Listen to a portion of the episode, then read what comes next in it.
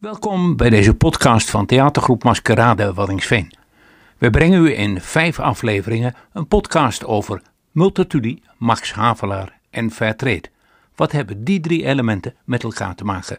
Dat hoort u straks. De eerste aflevering van deze podcast gaat over de vraag wat Multatuli en zijn beroemde roman de Max Havelaar ons nu nog te zeggen hebben. Waarom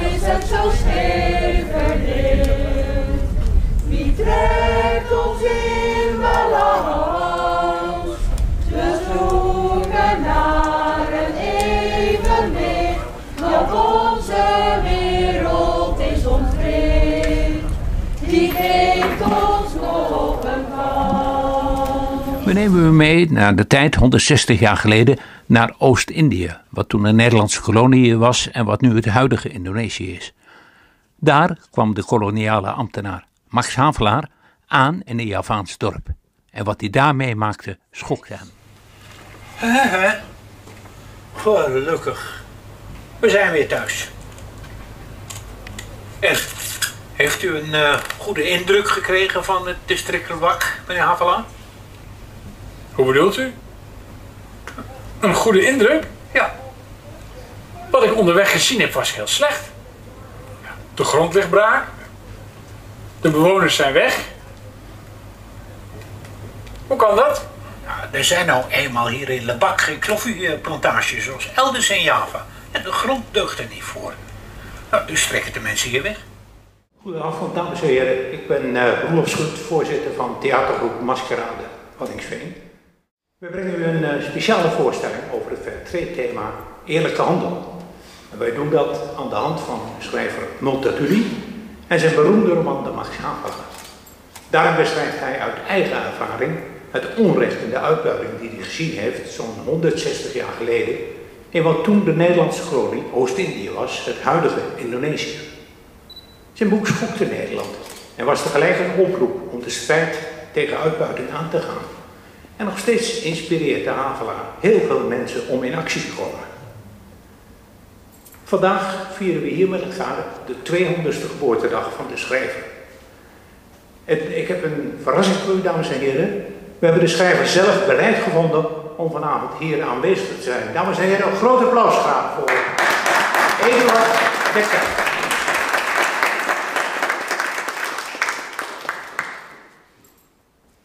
Meneer Dekker, u heeft in 1860 Nederlands beroemdste roman geschreven. De eerste roman, echte roman alle tijden. Nee, nee, nee. Daar gaat het niet om.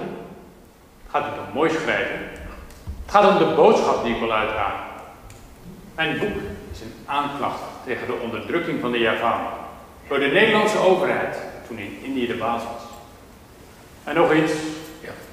Mijn naam is Eduard mijn schrijversnaam is Multatuli. Het staat voor ik heb veel geleden. Goed, meneer Eduard Douwes Dekker. Maar het is toch wel zo dat toen uw boek verscheen, mensen dat heel kunstzinnig vonden, zij het wel een beetje overdreven. Ik ben niet kunstzinnig en overdreven. Ergens in de Havelaars schreef ik over een dorp dat pas door Nederlandse troepen was veroverd. En dus in brand stond. Dat is niet overdreven, dat zijn de feiten. De Nederlanders willen die feiten niet onder ogen zien. Het erkennen van de waarheid zou te veel geld kosten. Ik wil met mijn verhaal over Max Havelaar bijdragen aan een proces dat ooit een keer zal plaatsvinden. Tussen Holland en mijn nagedachtenis. Ach, maar zo'n proces dat hoeft eigenlijk helemaal niet meer. Holland heeft u al lang in zijn armen gestoten. Er is zelfs een heus multatuli-genootschap onder voorzitterschap van Elsbeth Etty. En in februari hebben ze uw geboortedag nog groots gevierd in de Nieuwe Kerk in Amsterdam. De bijeenkomst in de Nieuwe Kerk eh, voor de viering van 200 jaar Multatuli werd ook bijgewoond door koning Willem-Alexander. Voorzitter Elspeth Etty van het Multatuli-genootschap sprak de koning aan op zijn voorliefde voor het werk van de schrijver. En daarna gaf schrijver Arnon Grunberg zijn mening over wat Multatuli betekent voor de Nederlandse literatuur. En des te meer plezier doet het me dat u, koning Willem-Alexander, ooit heeft verklaard dat u op uw achttiende het gevoel kreeg een multatuliaan te zijn. Dat gevoel moet de koning van huis uit hebben meegekregen. Het Multatuli-genootschap hecht er bijzonder veel waarde aan dat de koning deze familietraditie in ere houdt met het openen van het Multatulijaar. W.F. Hermans zou zijn ogen niet geloofd hebben. Hij voorspelde in 1987 dat Multatuli's 200ste geboortejaar 2020 in stilte voorbij zou gaan. Multatuli maand schrijven en lezen. Nooit te vergeten dat het waarheidsgebod uit ambiguïteit en dubbelzinnigheden bestaat, maar toch altijd gebod moet blijven. Zijn polemische houding herinnert ons eraan dat lafheid de grote vijand is van de intellectueel en de schrijver. Hij verzoekt ons niet de ogen te sluiten voor al te menselijke halfslachtigheid. Want wie daar de ogen voor sluit, offert waarheid op voor biefstuk. Dit is, nogmaals, zijn grootheid. Boven dit alles schittert zijn humor. Zijn oeuvre is doordezemd van een ingenieuze en dubbelzinnige zelfrelativering. En ja, dan is er zijn stijl, zonder welke het allemaal gedoemd was te mislukken. Wie het afkeurt, keur ik af.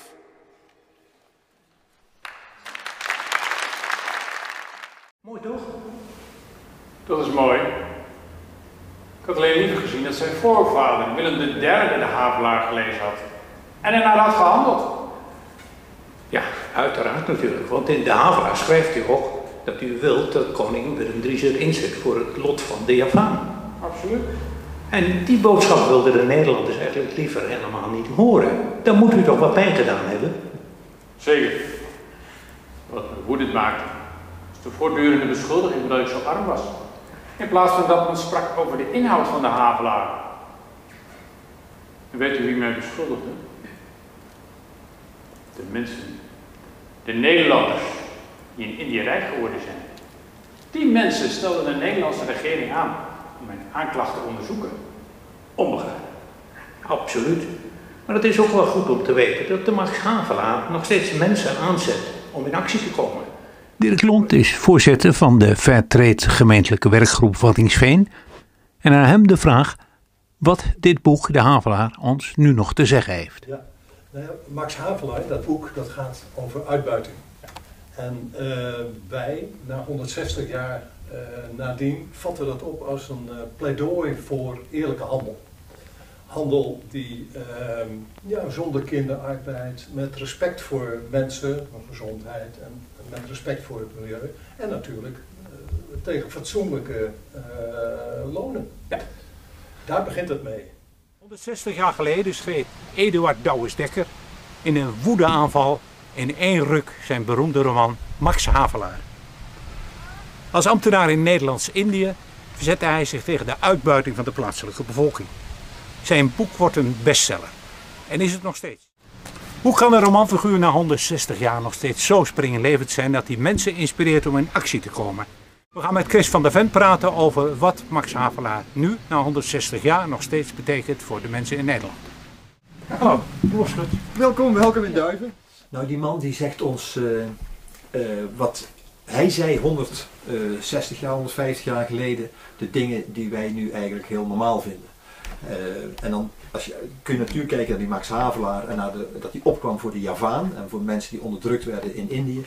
Eh, dat, dat, dat, was zo, maar het is veel meer wat hij daarna nog geschreven heeft en ook al in zijn jeugd geschreven heeft. Hè. We, kennen al, we kennen allemaal de Havelaar, beste Nederlandse boek, beste Nederlandse schrijver, staat bovenaan in de kanon. Van Dit hier is het geboortehuis van Eduard Douwes-Dekker. Man schrijft alias even schrijver van de Havelaar. zin.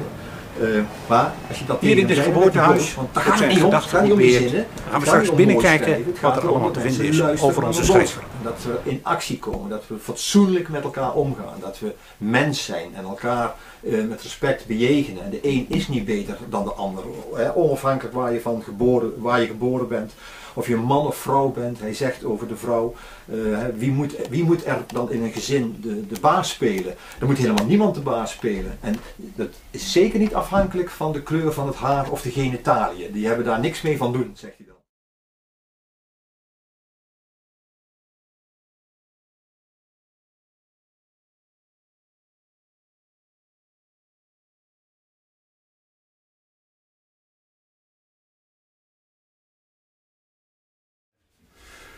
Hier naast mij zit Klaartje Groot, conservator van het Multitudehuis in Amsterdam.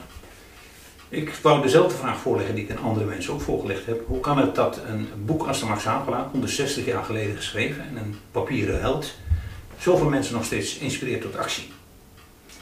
Ja, de Max Havelaar, dat is een, uh, een heel krachtig boek, uh, om verschillende redenen.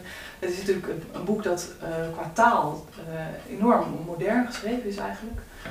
Je zou bijna kunnen zeggen postmodern, dus het grijpt nog steeds.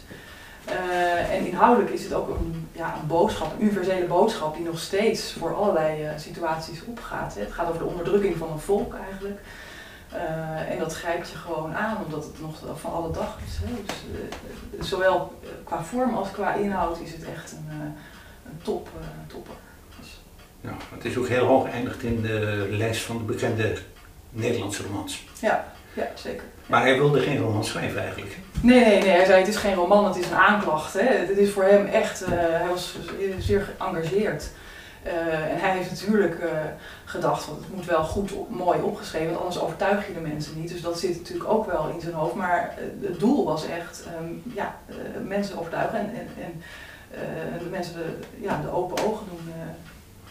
En ja, dat, dat gebeurde. Was hij een klokkenleider, zou je hem zo kunnen noemen? Ja, je kunt eigenlijk zeggen, ik heb natuurlijk heel lang in Indië gezeten en de organisatie, de kolonie daar van binnenuit leren kennen. En op een gegeven moment gedacht van er is zoveel mis hier, dat wil ik aan de grote klok hangen. Als een echte klokkenluider die, uh, ja, die, die, die goed recht, recht van spreken had, die wist waar hij het over had. En uiteindelijk uh, de media, of zouden we nu zeggen, ja. dus, uh, nou, de zaak aan de grote klok heeft gehangen. Ja. Ik, ik weet nog dat ik het vroeger ook moest lezen. En op de een of andere manier is het me gelukt om dat niet te lezen. Want het was een boek waar je nauwelijks door kon komen.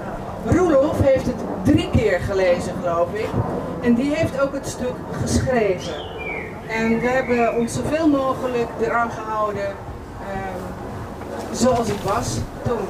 Ik zie mensen op de velden werken voor een schameloon. Niet gehoord en vaak vergeten, leidend onder machtsvertoon. Oh, dan zou ik willen schreeuwen, grijp toch in, kijk haar, kijk hem. Maar dan denk ik, ik kan toch iets doen, ik heb ook zelf een stem. Maak mensenrechten waar, voor jou, voor mij, voor hem, voor haar.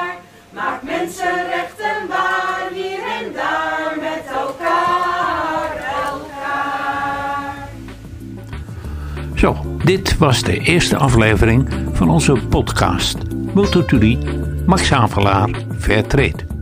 Binnenkort verschijnen er meer afleveringen. Kijkt u even op het uh, internet naar apenstaatje theatergroep maskerade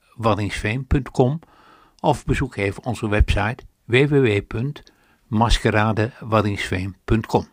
Graag tot een van onze volgende afleveringen of tot ergens als we ooit weer mogen optreden op straat.